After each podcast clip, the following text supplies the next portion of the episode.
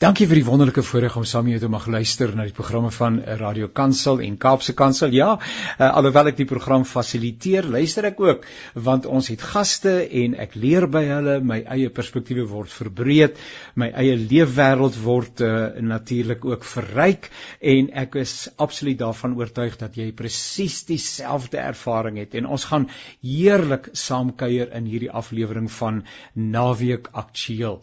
Baie dankie dat jy ingeskakel is. Vertel ander mense ook van hierdie program as dit vir jou iets beteken. En uh jy kan gerus ook bietjie skryf. Ek hoor graag van jou. My naam is Jannie, né? Nee, Jannie Pelser. Uh, maar my e-posadres is Jannie en natuurlik daai aapstertjie by toekomsvenster. Dis een woord en is klein lettertjies toekomsvenster. Nie vensters nie, net venster. toekomsvenster.co.za en uh, ek hoor sommer graag van jou. Dit sal lekker wees om op hierdie manier met jou te kan skouerskuur. En uh so ek sê ook baie dankie aan Zani wat vir ons die tegniese versorging van hierdie program behartig en die program is ook beskikbaar as 'n potgooi by www.radiokansel.co.za en daar gaan kyk jy maar net na Naweek Aktueel en jy kan ook luister na ons Woensdag aktualiteitsprogram uh, onder die benaming Perspektief. Dis my baie groot voorreg om te gesels met Pierre Du Plessis en hy woon in die Kaap in soos wat hulle altyd sê uh, en hy's daar by 'n gemeente met die pragtige naam Invia. Hallo Pierre, is lekker om saam met jou te kuier. Ja, altyd lekker om saam met jou te kuier, Janie, waardeer. Nou uh, Pierre, um, ons gaan eintlik gesels oor 'n nuwe boek van jou wat die lig gesien het met 'n baie interessante uh, titel, maar net voor ons daarby kom, uh, bring net 'n bietjie vir ons in die prentjie, waar is Pierre op hierdie stadium in sy lewe? Waar affilieer hy? Ons het daar reeds gesê by in via, maar is nie al waarmee jy besig is nie. Gee vir ons 'n bietjie konteks uh rondom uh, uh Dominee Pierre Du Plessis asseblief. Ja, as dit maar net as via maar net die enigste ding was in ons my lewe, dalk 'n bietjie eenvoudiger. Ek ehm um, is by is dit gesê by Envia Kaapstad, 'n kontemplatiewe gemeenskap. Ek is ook besig met 'n uh, nagraadse studies by die teologie fakulteit by Stellenbosch. So ek werk bietjie daar in ehm um, sistematiese teologie onder andere en dis my mikpunt ehm um, om bietjie daar te werk met in verskillende goeders. En dan werk ek ook die res van die tyd werk ek uh, saam met 'n Amerikaanse maatskappy met die naam Coach Coach Bit waar ek hulle kurrikulum vir hulle ontwerp en bestuur. En uh, dan uh, wanneer ek as ek nog nie genoeg het om te doen nie dan skryf ek ook ehm um, tussendeur alles en maak twee kinders groot. ek wou sê jy dan ook 'n normale lewe nê? En as daar nou twee kinders is dan is daar 'n vrou ook seker. Wat is haar naam? Ja, haar naam is Rialet ehm um, en sy werk ook in die Kaap, sy werk by Karel de Tooy sentrum 'n skool vir gehoorgestremde kinders en uh, sy werk met die 2 en 3 jariges. So sy ek sê altyd sy doen eintlik die regte werk van Jesus. Ek werk maar net vir die kerk. jy twee uh, in via het dit iets met die weg te doen waarvoor staan in via dat ek nou ja, my kan hier vertoon en via is 'n bietjie 'n vermenging van 'n paar latynse woorde wat beteken op pad om op pad te wees ja So ehm um, op pad agter Jesus aan natuurlik. En daai reismetafoor is mos 'n metafoor wat 'n mens baie dikwels gebruik en so. En dan die uh, gedagte van uh, ook ter wille van ons luisteraars en die aanbieder, 'n kontemplatiewe uh, spiritualiteit. Uh, uh, vertel 'n bietjie vir ons, wat is 'n kontemplatiewe spiritualiteit? So 'n kontemplatiewe spiritualiteit, die woord kontemplasie kom van ook van die Latyn af contemplum wat beteken om te om te kyk. So waar ook die oorsprong is van die woord tempel natuurlik. Maar dit het eintlik 'n met 'n ouer 'n ouer oorsprong as dit van die idee dat jy waar mense in antieke tyd gekyk het, staan en gekyk het van 'n spesifieke plek af na die na die voëls in die lug en na die wêreld en dan sou probeer die toekoms voorspel het nie dat ons nou dit doen of kan doen nie.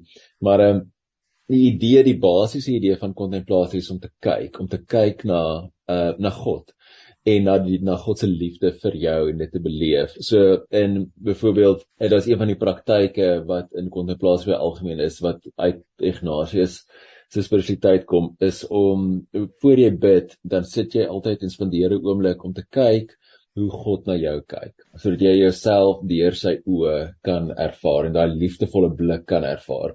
So daai is 'n groot deel van kontemplasie en kontemplasie beteken ook op 'n weeg in die wêreld in wat aan die ander kant van woorde lê waar ons iets van die misterie van God beleef en onsself 'n bietjie oorgee aan die stilte en uh, God beleef nie net in die vuur en die aardbewing nie maar in die in die stil fluisterstem en om stil te raak en God se stem so te hoor of nie te hoor nie, maar net bloot om te wees by God. So dit dit ehm um, die kontemplatiewe spiritualiteit bestaan binne in daai deel van die ehm um, die Christen uitdrukking van wat wat spiritualiteit kan wees.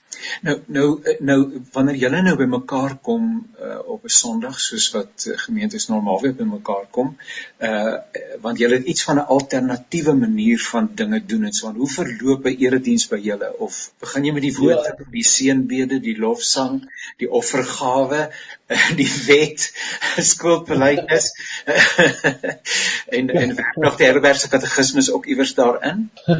Kyk ons altyd 'n oppergawe lees kyk ons kan nie van hy na maar ja, ja. Uh, ons ons dienste se verloop is eintlik heel normaal soos wat dit kom by kerk. Ek dink ons ons kom by mekaar uh, binne in 'n ou NG Kerk. Ons werk nogal nou saam met NG Rondebos wat ook ehm um, baie verdiep is. Dominee wat daar's Johan van die Heever, hy is baie verdiep ook in die kontempla kontemplatiewe wêreld en spiritualiteit. So ons werk nou saam met hulle.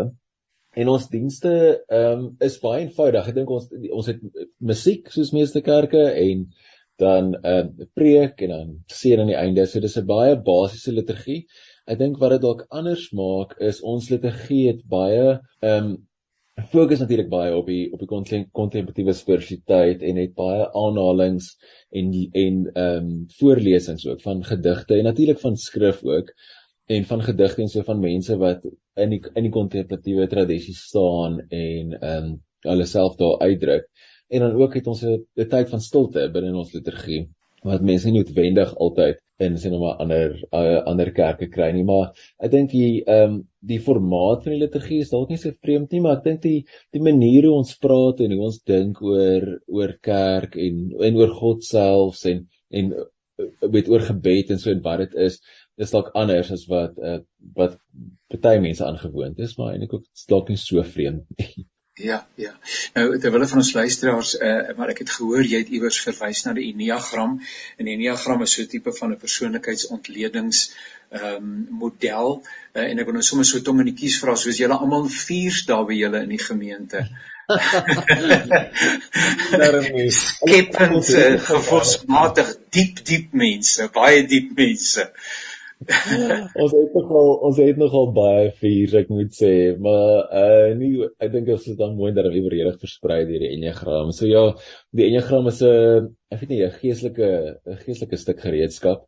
So ek sê persoonlikheidsontleding is dalk uh, nie altyd van heeltemal akkuraat nie, maar ehm um, dis 'n 'n stuk gereedskap wat ons gebruik in ons gemeenskap en ons baie en wat ons baie help en baie waardevol vind om mense te help om uit te kom by dit wat God vir hulle bedoel het, ehm um, dit wie hulle wie hulle werklik werklik veronderstel is om te wees en om in daai ehm um, Christus identiteit te begin instap en instaan. En eh uh, die enneagram is dis een van daai persoonlikheidsgoeders wat as jy doen en jy ontdek jou tipe dan uh, dan gewoonlik sê ag nee, ek kan nie glo, ek kan nie glo dis dit nie. Dis nie dis nie 'n lekker gevoel om jou tipe te ontdek nie. Behalwe as jy 7 is, 'n 7 is, jy tipe 7 is en alles is amazing en awesome en hulle dink almal moet 7's wees. Nee, kom ek reg met jou spot want ek is eh, ek is 'n neegram fasiliteerder, ek die geserviseer as 'n fasiliteerder by Suzette Fisher en uh, dit is my 'n wonderlike wonderlike instrument wat veral binne die geloofsgemeenskap merkwaardig potensiaal het. Maar goed, ons gesels nou oor die diagram en ons gesels oor 'n splinte nuwe boek wat jy geskryf het en jy's 'n kragtige skrywer wat besig bly, maar hierdie boek het 'n baie interessante tipe titel en dit kom in die vorm van 'n vraag, naamlik het ek my geloof verloor? Het ek my geloof verloor? Nou, vertel vir ons bietjie uh waar kom die boek, die gedagte aan die boek vandaan en hierdie spesifieke titel uh, of tema van die boek, het ek my geloof verloor? Wie vra daai vraag? So, dis 'n um, uh, dis 'n vraag wat ek in die laaste ek ek's nou so 20 jaar of so in die bediening. En uh, dis 'n vraag wat ek so elke elke paar jaar kry wat mense wat in ons kerk was of in die, een van die kerke wat ek by betrokke is was en waar hulle ook vriende is en so en waar hulle met my afspraak sal maak en ehm um, dan amper kom dis amper asof hulle kom bely op 'n manier of kom erken en dan wil hulle net vir my sê die gesprek sal baie keer so gaan en sê vir die uh, Pierre ek wil net vir jou sê ek ek glo nie meer nie of ek het my geloof verloor of ek het die geloof agtergelaat of um, of baie keer is dit 'n vraag soos hy sê ek dink ek dink ek het my geloof verloor. Ehm um, so ek dink die en en is uit daai gesprekke en laas jaar in um, dit was in derde golf in die middel van laas jaar het ons een van ons baie naby vriende van my vriende het ons verloor aan aan aan Covid. En in daai selfde tyd ook het daar baie vrae in ons gemeenskap ook losgekom van wat is geloof? Waar is God? Hoe werk? Hoe werk hierdie goeters aan mekaar? En ek het ook van 'n paar vriende gehoor uit by verre verlede uit het my gesê het hulle hulle glo nie meer nie. En baie sulke gesprekke gehad. En ek dink dit was weet noodwendig as gevolg van van die pandemie en lockdown. So maar ek dink dalk het mense 'n bietjie tyd gehad om om te dink en ehm um, en alself te tyd om 'n besluit of besef. Ek dink baie keer besef mense hulle het hulle geloof agtergelaat of verloor eerder as wat hulle keuse maak. Hulle kom agter, maar ek het eintlik lanklaas geglo. Ek dink ek glo meer nie. So en toe het ek 'n preek gemaak daaroor. Dit was daai tyd ons nie by mekaar mag gekom het nie. En uh, toe het ek 'n preek aan mekaar gesit en toe ek so opkyk na dit ek nou ek het lewendig oor Zoom gepreek daai keer en toe ek so opkyk sien ek ek's nou 50 minute hier in 'n preek in en ek het nou die groot reël oortree van die dominee mag oor enigiets preek, maar nie oor 'n uur nie. Ek was amper oor 'n uur. So En toe na die tyd het mense net daai preek begin rondstuur en ek het kom terugvoer gekry van mense wat sê dit het vir hulle so baie beteken. En ook van vreemdelinge begin terugvoer kry wat sê iemand het dit vir hulle aangestuur 'n sussie of 'n niggie of iets en dit het vir hulle baie beteken want hulle is op 'n plek en waar hulle nie waar hulle dink hulle glo nie meer nie of hulle nie meer kan glo nie of so. En toe het ek um, my uitgewer gevra of gesê hoor ek dink hierdie ding het hier's 'n boek in is hulle lus om 'n boek te doen en toe gelukkig gesê hulle ja, gelukkig of ongelukkig, want toe moes ek hom skryf. En uh toe ja, toe was hy die skryf kom begin van hierdie jaar en ja, hy's nou uit op Irakke. Ek's baie bly dat jy dit gedoen het. Uh weet jy Peer dat ehm um, ek luister, kyk in die afgelope tyd was daar nou 'n klompie mense wat gesê het maar ons uh, het die geloof afgesweer, ons het ehm um, uh, besluit hierdie dinge is nie meer vir ons relevant nie. Ehm um, en dat mense geloofstwyfel beleef en dis meer uh, dit dit is inderdaad so uh, wat vir my jammer is. Ek wil ons maar vra uh, is dat ek uh, tog in die in die media en ook selfs in die kerklike gemeenskap 'n bietjie van 'n verneinigheid optel. Uh wanneer mense sê maar ek het nou uh, ek ek, ek kan nie meer op hierdie wyse ehm um, my vrede vind nie en uh, en in plaas daarvan dat daar uh, dis maar wat ek gedink het dat 'n ou miskien empaties sal wees teenoor mense want hier kom jy self en jy sê maar uh, geloofsworsteling is eie aan die tyd waarin ons lewe. Uh die die wêreld is uiters kompleks en dat 'n mens na mekaar met empatie sal kyk. Uh, want nou gee dit eintlik vir ouens wat sê maar ek het vrae waarmee ek worstel maar as ek daai vrae durf stel dan is ek ook een van die wat ehm um, uh, soos een professor gesê het hy hy het nou 'n uh, eh, leeftyd in die kerk gewerk nou het hy sy pensioen gekry en nou glo hy nie meer nie jy weet wat vir my so 'n verkooplike manier is waarop 'n mens met mekaar omgaan en dit binne die kerk nê nee?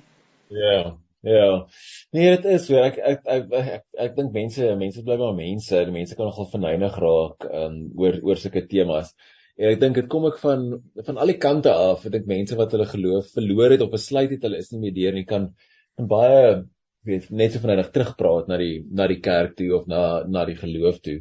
So ek dink daar's 'n soos jy sê 'n mate van genade wat ons mee moet omgaan wanneer ons praat oor dit en ek dink my ervaring ook met ehm uh, met al hierdie verskillende goeters is dat dat baie mense, sê my hond blaf nie, maar dis seer vir mense om hulle geloof te verloor. Dis 'n baie seer ding en 'n seer pad en hulle is baie rou wanneer hulle wanneer hulle wanneer hulle praat daaroor. Dis nie oor die algemeen dit is nie iets wat vol bitterheid en kwaad is nie, maar eerder maar eerder hartseer en rou. Ek herinner my dat ek iewers gehoor het dat jy sê eh, dat in baie gevalle is dit nie 'n kwessie dat die ou sy geloof verloor het nie, maar hy kan nie meer glo soos hy geglo het nie.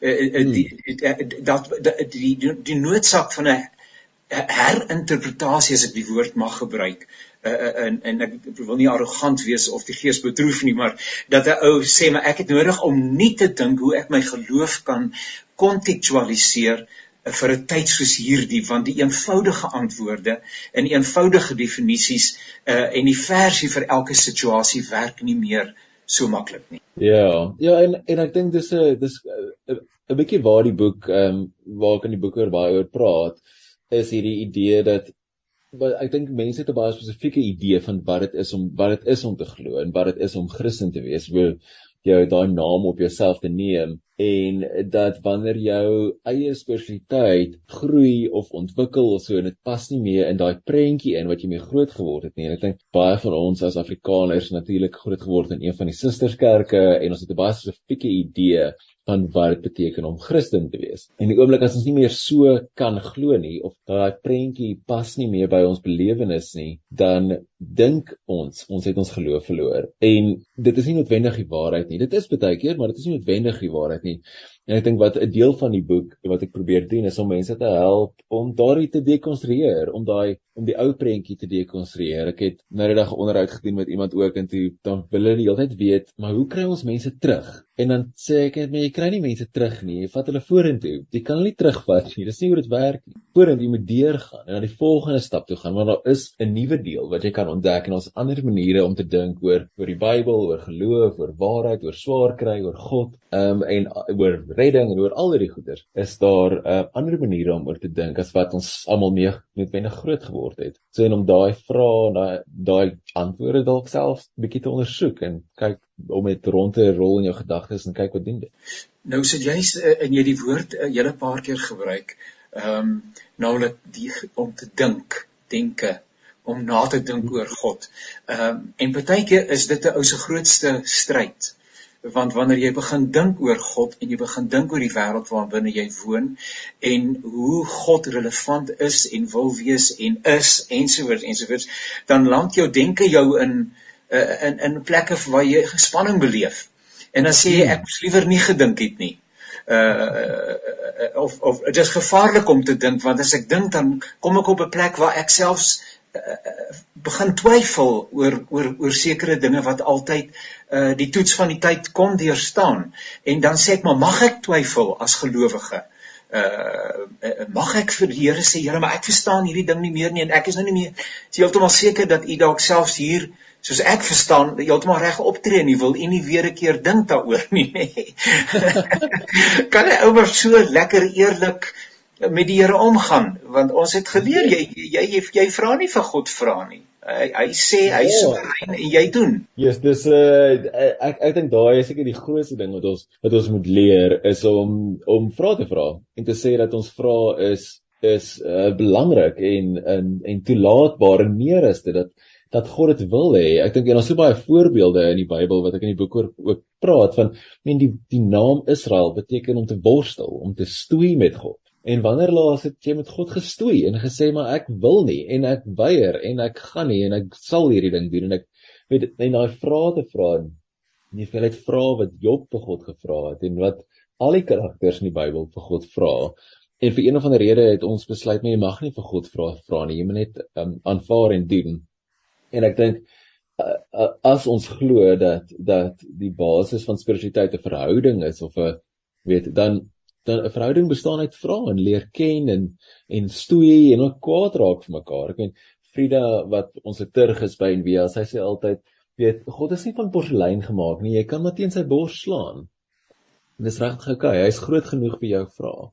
So en ons moet dit doen. En twyfel is nie twyfel is nie 'n sonde nie. Twyfel is deel van groei. Die ehm um, filosoof en teoloog Pieter Rallen sê om te om te glo is menslik, maar om te twyfel is goddelik.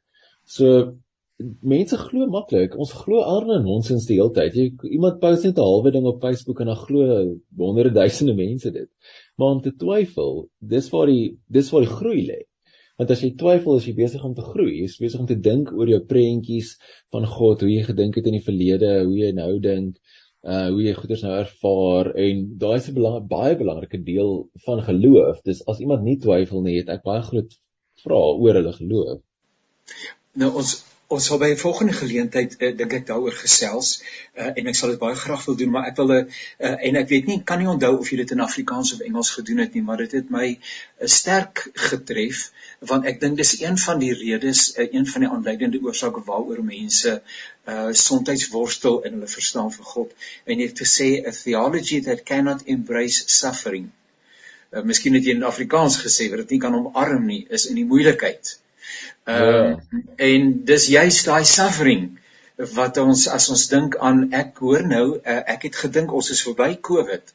Uh, ek hoor nou was dit Sondag aand op die nuus dat in hierdie jaar alleen daar oor 'n miljoen mense dood is aan Covid uh ja. net hierdie jaar uh, en ek het gedink ons is aan die ander kant daarvan maar ek bedoel as jy met daai realiteite worstel jy dink aan die Oekraïne jy dink aan die oorstromings in Natal jy dink aan ag soveel soveel voor, voorbeelde daarvan jy dink aan armoede en die konteks waarin ons in Suid-Afrika leef die onsekerheid ensovoorts ensovoorts en dan sê jy a theology that does not and cannot embrace suffering. Ehm um, dit is moeilik om die twee wêrelde bymekaar te bring. Teologie is goeie nuus Die evangelie is goeie nuus. Nou waar lê die goeie nuus dan te sê dat hy jou geroep om buite kan die laar uh saam met hom te gaan lê? Dit klink nie na goeie. Klink nie na goeie nuus nie. die goeie nuus, ja, dis 'n dis 'n interessante ding, nee, want ek dink ons vergeet dat ons dat dat God 'n lydende God is. En ons vergeet dat Jesus aan die kruis was So ons hou daarvan en ek dink dis waar die Katolieke baie keer dit bietjie reg het. Is hulle hou die korpus aan die kruis. Die Jesus se liggaam is aan die kruis. Ons ons vergeet dat die kruis 'n martelinstrument was, maar ons dra dit as juwele en ons maak dit uit diamante en goud en verf dit op ons skooltasse of wat ook al en ons vergeet dit se gruweldood. En ons vergeet dat Jesus ons nooi om dieselfde te doen. Ehm um, en ook ons eie kruis op te neem en ons ons ons vergeet dat dat dat swaar kry 'n baie groot deel en belangrike deel ook is van ons van ons lewe. Dis uit dis uit swaar kry dat die opstanding kom. Ek Martin Luther het gesê dat weet ehm um, death always precedes resurrection. So die dood gaan altyd die opstanding vooruit. Die goeie Vrydag kom al, elke keer voor Sondag voor Paas Sondag. Maar ons ons like Paas Sondag. Die Paas Sondag is lekker. Dis daar's feeste en is groot en is lekker groot musiek en goed, maar ons hou so baie van die Vrydag nie. Ons ons druk maar die Vrydag se hartseer dood met Paas bolletjies en ek weet nie 'n skaapbout of iets soos dit, maar ons vergeet die swaar kry. En ehm um, dis een van die goeters uh wat Joyce Meyer gesê het wat ek so wat ek so baie van hou wat sy gesê het, weet daar's baie beloftes in die Bybel en swaar kry is een van daai beloftes. So jy moet dit ook onthou. Want ons is so geneig, weet, klein die beloftes, klein God se beloftes. Ons sê ja, Jesus het beloof jy gaan swaar kry ook. Maar ons vergeet dit. Ons ja, wil nie ja. daai ene klein met op ons yskaste plak nie. Ons wil die ander mooi goedjies op ons yskaste plak. Want dit is lekker. En ehm so ek dink om swaar kry soos ek gesê het, weet 'n teologie wat nie swaar kry kan omarm nie, gaan vinnig kraak en breek. Want swaar kry kom of jy nou ehm um, of jy dit nou wil of nie, wil hoor of nie sê ietsie oor net voordat ek vir jou uh, net weer 'n laaste vraag oor die boek uh, uh, en en 'n opskrif van 'n artikel kom gewoonlik deur die redakteur of wie ook al en so aan maar maar die opskrif van 'n artikel wat ek gelees het of 'n berig wat handel oor jou sê die worsteling en die verwondering van Pierre Du Plessis. Sê 'n bietjie iets oor die worsteling en iets oor die verwondering. Ek dink jy amper of jy spanning beleef tussen die twee goeters, nê? Nee, dit is tussen twee. Ek dink mens doen maar ek dink ek weet nie of meeste mense doen nie, maar ek dink ons almal eh, het maar ons moet maar werk met hierdie hierdie toestand wat ons almal het wat ons noem met menslikheid om mens te wees. En ek dink om mens te wees het te doen met baie met baie swaar kry en baie verlies. Ehm uh, dat ons almal ons almal het verlies en ek dink verlies is amper die grootste tema in in ons almal se lewens en en ook in my lewe en hoe hoe ek daarmee moet werk met my eie verlies en om ehm um, God ook binne in daai prentjie in te nooi of te verstaan en te sien en ook my eie worstelinge met met geloof en met geloof in die skrif en is is Christendom relevant nog steeds vir die vir die samelewing en veral in die westerse samelewing soos dit is op die oomblik uh is dit iets wat ons nog moet verkondig. Het dit nog waarde. En op dieselfde tyd dink ek die verwondering uh, wat ek teekom te binne in binne in my geloof self en wanneer ek werk met die teks en werk met mense om verwonder te staan oor oor ehm um, die opstanding, oor die opstanding wat ons die hele tyd ervaar in die middel van die swaar kry of weet juis in die middel van die swaar kry. Ons daai daai beleef en daai sien en die die absolute skoonheid wat daar in die wêreld is ook op dieselfde tyd as al die as al die swaar kry. So ek dink ek ervaar die paradoks regtig intens. Ek dink en ek dink meeste mense doen die paradoks van die swaar kry wat ons sien aan die een kant verloor ons iemand aan aan COVID en aan die ander kant word 'n nuwe lewe gebore. So in dieselfde hospitaal op dieselfde dag. So daar's daar's iets van 'n uh, worsteling en 'n verwondering binne in ons almal. die boek um, het ek my geloof verloor. Vir wie sou jy dit wou aanbeveel? Ek sou dit aanbeveel vir mense wat wat wat juist daai vraag vra, wat agtergekom het oor maar ek ek glo nie meer soos ek geglo het nie. Ek ek weet nie eers of ek nog steeds glo nie, want wat ek nou glo lyk so anders as dit dit wat ek mee groot geword het. En ek dink dis vir daai spesifiek vir daai tipe mense en ek dink is ook 'n boek vir mense wat wat ehm um, vriende of familielede het wat wat hierdie vrae begin vra. Wat sê maar hoe kan ons nog glo in iets soos die Bybel? Hoe kan ons nog hoe kan ons nog glo in iets soos weet weet engele of 'n uh, 'n Jesus of 'n God in die hemel of hoe kan ons in hierdie wetenskaplike eeu nog steeds glo aan so iets en wat se wat se relevantie het spiritualiteit nog steeds in in die 21ste eeu. So ek dink vir mense wat vriende en familielede het wat wat daardie vrae vra of deur daardie ek wil dit nie 'n krisis noem nie want dit is nie noodwendig 'n krisis nie deur daardie fase of reis gaan in hulle lewe. Ek dink is vir daai mense, so vir beide daai partye dink ek is 'n goeie 'n goeie stukkie lees. En ons kan nou vir mekaar sien want ons gesels oor Zoom alhoewel die luisteraars net die stem hoor en nou sien ek al daai boeke agter jou. Is dit nie moeilik nie? Jy jy nie moeilik geskryf nie, Peer, want dit is gewone mense wat dit moet lees. nee, dis juist wat ek nie ek probeer om nie te doen nie. Ek probeer en dis my missie in die lewe is om om komplekse idees en teologiese en filosofiese idees te vat en dit maklik verteerbaar en verstaanbaar te maak vir vir almal, vir enigiemand moet dit kan lees en die boek is ook geskryf in sulke lekker kort hoofstukke dat jy dit vinnig in een sitting kan lees as jy net 'n paar minute het dan sal jy 'n hoofstuk kan kafdraf. So ehm um, dis is nie moeilik geskryf nie. Nou wat vir uh, en en dan sal ons 'n laaste woord die boek is beskikbaar soos hulle altyd gesê het by alle goeie Christelike handelaars. ja, en en nie Christelike handelaars by alle by alle goeie handelaars. Ja, dis ehm um, dis beskikbaar by alle alle bekende boekwinkels wat jy ken en dan ook aanlyn en daar's 'n e-boek ook beskikbaar.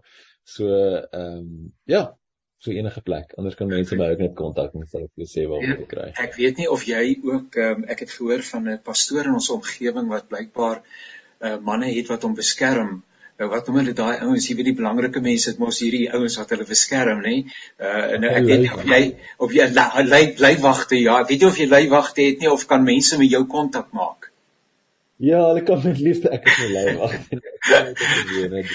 hoe hoe hoe maak hulle met jou kontak? Uh, gaan hulle jou web toe, webwerf toe of waar? Hulle kan na my na my webtuis toe gaan en my e-pos van daar af. My webtuis is uh thisispeer.co nie .co.za nie, net.co, so dis die speer.co of hulle kan my vind op uh, al die sosiale media platforms as jy net soek vir Peer Du Plessis, dan behoort jy my te kry. Ehm um, ek is nie die een in New York nie, ek is een in Kaapstad. Dis 'n ander Peer Du Plessis wat in New York bly, wat ook 'n pastoor is. Maar jy jy het daar om die Tafelberg daar by jou. Ja, ja, nee. Pierre, baie dankie, was lekker om jou te gesels. Dankie uh, dat ek sommer ook uh, beleef dat 'n ou wat die boek gaan lees, nie 'n stuk veroordeling gaan raakloop. Hoe durf jy en hoe lelik is dit dat jy nou hier, nê, nee, nou jy jou pensioen gevat by wyse van spreuke en nou twyfel jy, maar dat jy met empatie omgaan met mense en dat ehm um, dat daar baie mense is wat in die tyd waarin ons lewe sit sit met 'n stuk worsteling en dat dit oukei okay is. Uh, dit is 'n uitnodiging om te groei uh in jou verhouding met God en ook in jou verhouding met jou medemens en dit is wat mense gaan raakloop as hulle jou boek het ek my geloof verloor Peer uh, Du Plessis uh gaan deurwerk. Seënwense sterkte groete vir vroukie en die kinders en ook daar in die gemeente mag julle van krag tot krag gaan. Dankie Janie, waardeer, dankie vir die gesels. Nou ja, die woord vir die wêreld. Dit is sekerlik wat Jesus se bedoeling was toe hy sy disippels uitgestuur het om die evangelie wêreldwyd te gaan verkondig. Maar Paulus vra, hoe sal hulle hoor as iemand nie gaan nie? En dan hoe sal iemand gaan as iemand hulle nie stuur nie? Nou ek het die voorreg om vandag te gesels met twee jong manne wat nie net gestuur word nie, maar wat inderdaad ook gaan.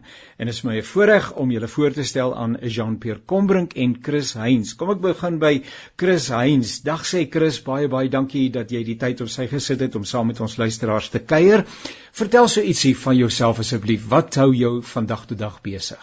Ja, baie dankie Jannie. Ek is baie bevoorreg om hier te wees en baie uh, is lekker om op jou program te wees. Ehm um, ja, so deesdae is ek besig by die woord van die wêreld. Ek is besig met die um, om die operasionele kant van die Suid-Afrikaanse basis te oorsien. ek bring my besigheidsagtergrond bietjie na die voorspel hiersel en uh dit voel net soos 'n ongelooflike eer om in hierdie bediening te wees, iets groter wat die hele wêreld vol bedien. En ehm um, my deel is maar net om seker te maak die dinge gebeur en ek is eintlik maar in die agtergrond, maar ja, dit is is 'n groot voorreg. Baie baie dankie Chris. Ons sien uit om saam met jou te kuier. Jean-Pierre, vertel 'n bietjie van jou uh jou betrokkeheid by hierdie organisasie. Ons gaan nou by die organisasie kom, maar net ietsie oor jouself, jou eie ehm um, leefwêreld, konteks, dit wat jou besig hou jou belangstelling. Uh Jannie, ek um, werk ook vir Boord vir die Wêreld. Um ek is hulle internasionale kreatiewe direkteur en my enigste doel is om wat ons as organisasie te doen um met die mense daar buite te te connect. Um op verskillende kreatiewe platforms en die inligting daar buite te kry. Um dis 'n baie groot voorreg, 'n ongelooflike uitdaging en um ons geniet dit baie om te doen. Sien uit om veel meer te vertel. Nou dis natuurlik sommer 'n groot uh, opdrag nê nee, om besig te wees by 'n bediening met die naam van die woord vir die wêreld. Die wêreld met ander woorde as die konteks waarbinne hierdie woord gebring kan moet word. Uh, vertel vir ons luisteraars 'n bietjie meer oor hierdie uh, spesifieke beweging, die woord vir die wêreld asseblief. Ja, dankie Annie. Ek sal sommer begin en te sê dit is 'n uh, reg Suid-Afrikaanse organisasie en dit is wat dit baie opwindend maak. En eintlik 'n storie wat niemand van weet nie, maar baie jare terug omtrent 1981 het 'n uh, dokter Werenie Kreer hierdie idee gehad en 'n visie van die Here wat met hom praat om die mense op te lei om hulle om verantwoordelikheid te vat vir hulle eie taal en in die Bybel te vertaal. In die verlede het mense maar altyd jy weet 'n dokter of iemand wat baie geleerd is na 'n land toe gestuur en hulle het jare en jare gevat om die taal te leer en dan het hulle teruggegaan na hulle eie land toe en saam ander geleerdes gesit en hierdie taal oorgesit in in hulle taal en dan vir hulle terug 'n uh, Bybel teruggebring. En hy het hierdie idee gehad om die mense self op te lei sodat hulle dit doen en saam te staan. So woord van die wêreld kom in 'n land in Hulle praat met die gemeenskap en die kerke en dan lei hulle mense op en staan hulle by om self hulle hulle Bybel te vertaal in hulle moedertaal. En dit is 'n uh, dit is heeltemal uniek en dit is baie spesiaal en dit werk regtig goed want die mense is baie meer aanvanklik om dan die Bybel te aanvaar. Uh, uh, uh, Jean-Pierre kan dit wees dat daar nog tale in die wêreld is wat nie 'n Bybel het nie? Ja nee, die statistieke is eintlik skrikwekkend. Ehm um, ek dink ons almal leef maar reg onder 'n klip. Verskriklik vir westers. Ehm um, jy weet as ons iets uit die Bybel uit wil lees, want ons gaan deur 'n moeilike tyd of ons wil gou 'n versie kry, dan maak ons ons foon oop of ons gaan haal een van die 12 Bybels in ons en ons jy weet in ons boekrak, maar die statistiek van ehm um, 2021 einde 2021 was daar 7378 tale ter wêreld. Van hulle sterf uit en van hulle kom nou by 3883. Um 83. So 3883 van daai tale het geen vertaling van die Bybel nie. Nou scriptures. En net 717 van hierdie 7300 en ietsie tale het 'n volle Bybel in hulle hartstaal. So dis minder as 10% van die wêreld se tale het 'n volle Bybel in hulle hartstaal. En ehm um, so ja, die ons het nog baie werk om te doen. Um, ons is daarom nie alleen nie, daar's 'n klomp organisasies wat mense saam hande vat, maar ja, daar is ongelukkig nog baie tale wat nie 'n Bybel het nie. Dit lyk vir my dat uh, die wederkoms is er nog 'n bietjie ophou uh, want Jesus het gesê die hele wêreld sal van hom weet voordat hy weer kom. En dit is inderdaad jy die woord skrikwekkend gebruik is Jean Pierre uh, kommerwekkend uh, en en dit wil 'n na die werklikheid toe ruk uh, dat uh, daar ongeveer 10% van die tale in die wêreld is wat inderdaad 'n volle Bybel tot hulle beskikking het. Daar is groot werk wat gedoen uh, moet word. Uh um Chris wat my nogal my belangstelling gewek het is uh, die feit dat jy gesê het uh die tradisionele manier van Bybelvertaling is om 'n klomp ouens te kry wat op 'n wetenskaplike wyse uh, omgaan met die Bybelvertaling en dit is sekerlik legitiem en en en goed so, maar dat uh, die woord vir die wêreld uh die plaaslike gemeenskap uh wil betrek om vir hulle self in hulle eie idioom die Bybel te skryf en te vertaal. Ja, ja verseker, dit is dit was aan die begin jare toe ehm um, Kobus van Asweging ehm um, dit begin het in Ethiopië daai jare was baie van die organisasies heeltemal teen dit en dit het, het net nie sin gemaak nie. Maar ehm um, in sy kop en met die leiding van die Heilige Gees het dit regtig sin gemaak en dit het dit het regtig die die manier hoe organisasies dit deesdae doen verander. En ehm um, wat dit behels is 'n 4 jaar se opleiding wat 'n diploma is in Bybelvertaling en terwyl hulle besig is met hulle opleiding, is hulle ook besig om dan die Nuwe Testament te vertaal. So dis tweesydig en hulle die werk staan nooit stil nie. En daar's altyd mense wat hulle bystaan, konsultante en eksegete, mense wat ons instuur om seker te maak die die woord en die Hebreëus en die Grieks en alles word reg gedoen maar dit is om so vinnig as moontlik vir daai mense groep die evangelie te gee en die werk reg te doen. Dit is dit is ons dit is die waardes wat woord van die wêreld toegaag. As ek iets kan bylaat Janie, ehm skus.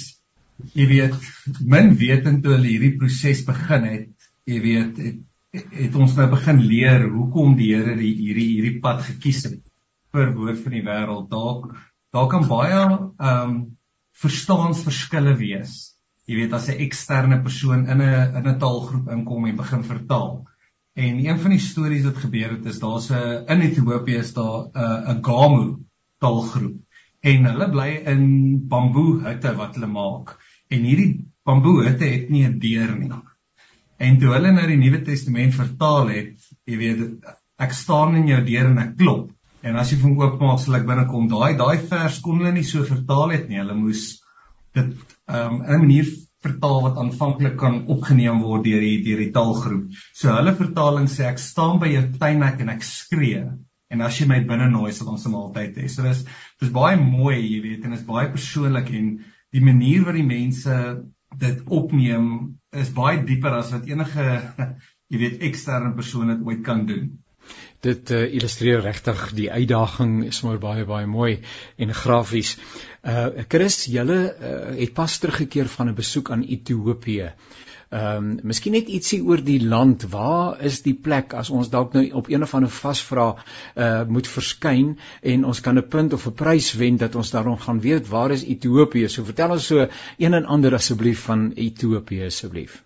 Ja, ek het self min geweet. So op pad daartoe moes ek self ondersoek doen waar is hierdie plek en wat gaan daar aan. Maar hy's hulle noem dit uh, dit is in die horing van Afrika. Dit is uh noord aan die noorde kant, net so naby Somalia, bokant Kenia, onder Egipte daar rond. Hy is um heeltemal ek is nie seker wat sy Afrikaanse woord nie, maar landlocked. So hy het nie 'n uh, hawe of enigiets nie.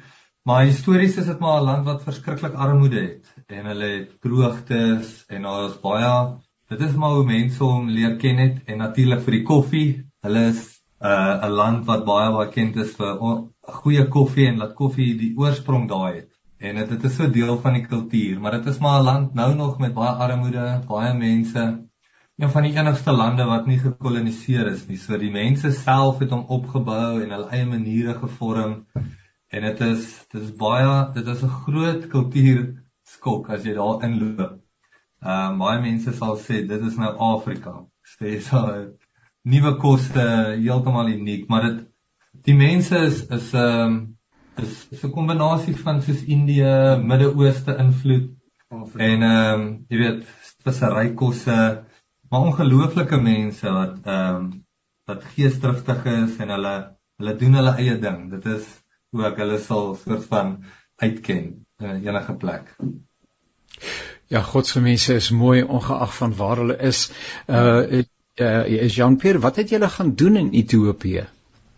Uh Janie, ons het die voorreg gehad om ehm um, by 'n 'n taal, die Gamu taal, ehm um, dis meer in die suidoos oostelike gedeeltes Daar's net so 'n interessante ding van Ethiopië. Daar's omtrent om weer 80 tale binne die land. Jy weet ons sit met 11 en ons dink is baie.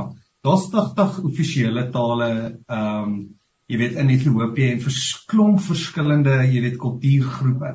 En ons is nou maar net by een van hulle se hulle het hulle volle Bybel gekry na 18 jaar.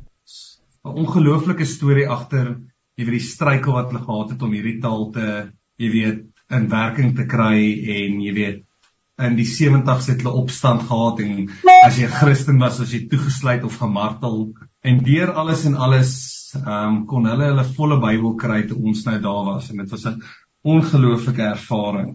Ja, as 'n mens nou daaraan dink dat ons byvoorbeeld net om uh, iets daarvan te beleef dat ons nou so pas die Bybel in Afrikaans as ons dan nou sê Afrikaans of Engels of watter taal ook al maar ons identifiseer nou miskien meer met Afrikaans uh, in hierdie program ehm um, dat ons nou pas die Bybel, die volle Bybel in Afrikaans ontvang.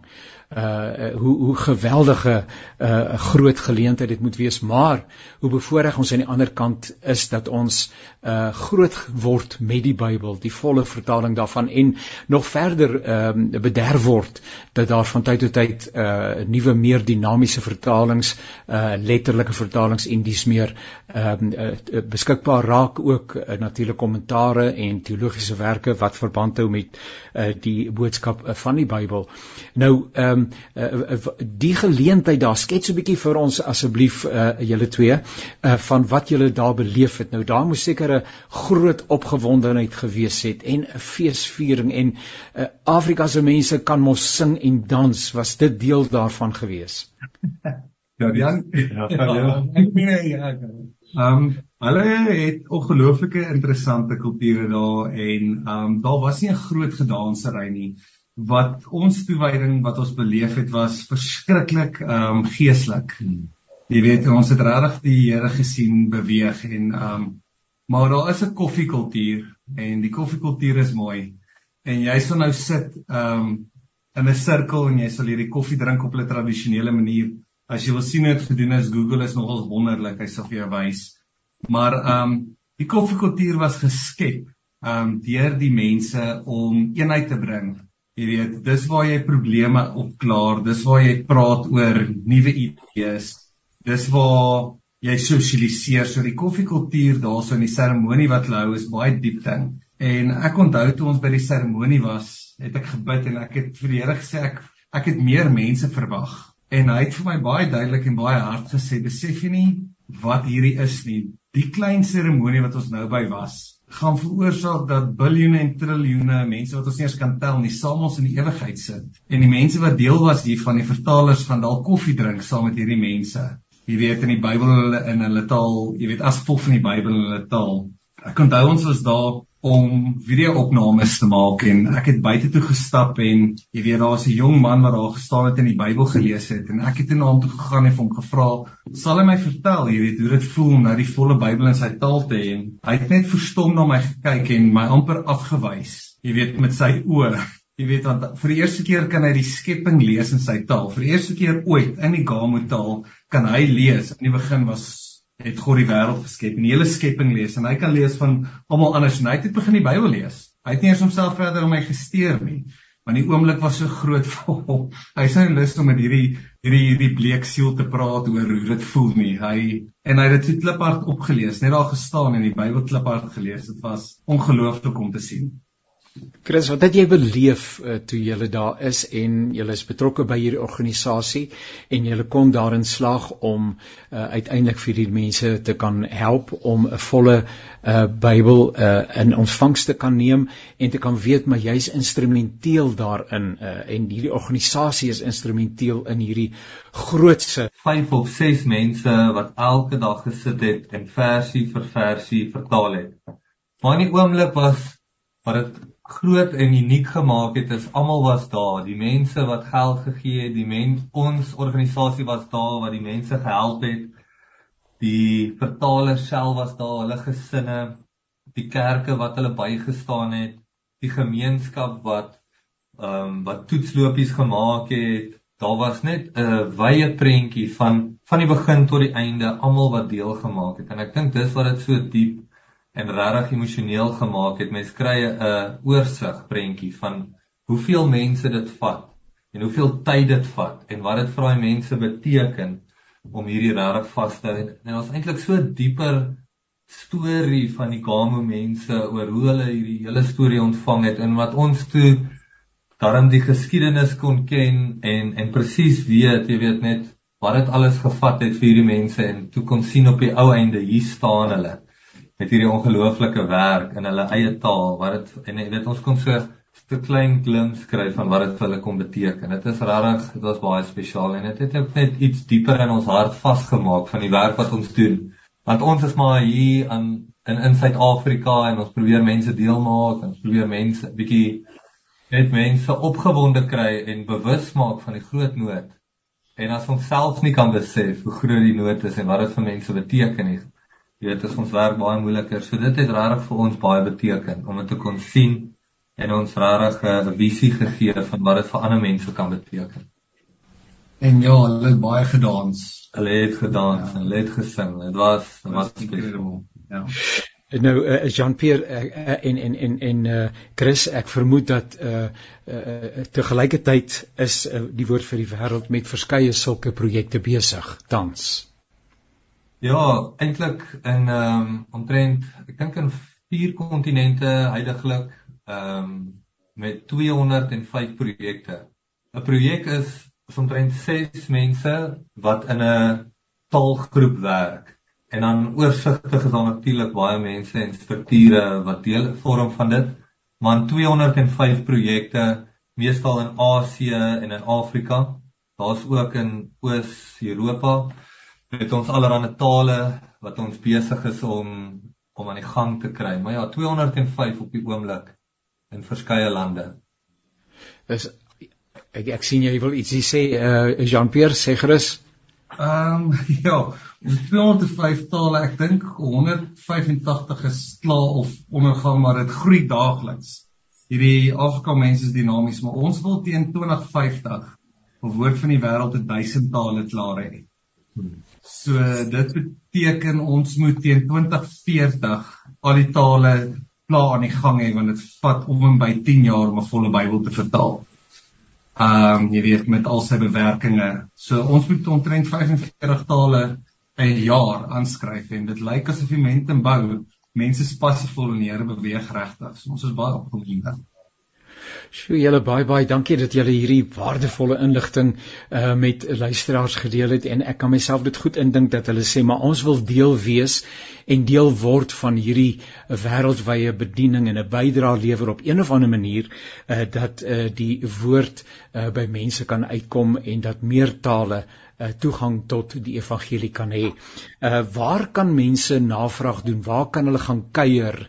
'n uh, adres of iets van daardie aard waar uh, hulle met meer inligting uh bekend gemaak kan word? Hulle kan die webwerf besoek. Dit is twftw.org. Um dis the word for this net 'n akroniem vir the word for the world en dan kan ek gaan op international. Ons is ook tans besig met 'n rebrand en ons gaan die hele webwerf verander om dit baie makliker vir mense te maak om deel te word. Maar 'n groot ding vir ons is as mense kan begin saam bid, is dit ook 'n groot wen vir ons. Maar hulle kan daar op die webwerf gaan en in kontak kom met ons en sê hulle is van Suid-Afrika en dan sal een van ons um mense uit die kantore uit hulle kontak en met hulle gaan Ethiopiese koffie drink. Daarmee baie baie dankie uh, Chris Heinz en Jean Bierkombrink wat betrokke is by die organisasie die Woord vir die Wêreld. Uh, sopas teruggekeer het van Ethiopië waar hulle na 'n uh, eh, geruime tyd 18 jaar as ek dit reg onthou uh saam met 'n bepaalde gemeenskap uh die uh, die uh wonderlike voorreg gehad het om die inbesitname uh en ge, in gebruikneming van 'n volle uh pakket die volle woord al 66 boeke uh om dit uh, in besit te kon neem en uh, dit uh, dan ook te kan uh bestudeer en te kan beleef. Ehm um, uh stel ons komplimente en ons seënwense en ook ons voorbinding uh, oor asseblief aan die ander personeel by the word uh for the world, die woord vir die wêreld. Seën mense met julle eie persoonlike reis in die verband en uh nogmaals dankie dat julle die tyd ingeruim het om saam te kuier. Baie dankie Annie, ons waardeer die tyd en net die blootstelling. Ehm um, waardeer dit regtig baie. Nou, thanks. Baie dankie Annie. Dankie kollegas. Uh, dit Ai, maar dit was dan vir jou 'n lekker saamkuier, nê? Nee, baie baie dankie aan uh, uh Pierre Du Plessis en uh, die insigte wat hy met ons gedeel het en dat ons maar kan praat ook oor ons worsteling en ons worstel partykeer om dinge te verstaan ook hoe dat ons verhouding uh, met God uh, uitspeel en ook God se betrokkeheid by hierdie wêreld. En uh, hy het dit so mooi gesê die Here het nie 'n probleem as ons vir hom sê Here ons verstaan help ons tog bietjie om beter insig te kry deur die Heilige Gees meer te verstaan van waarmee u besig is.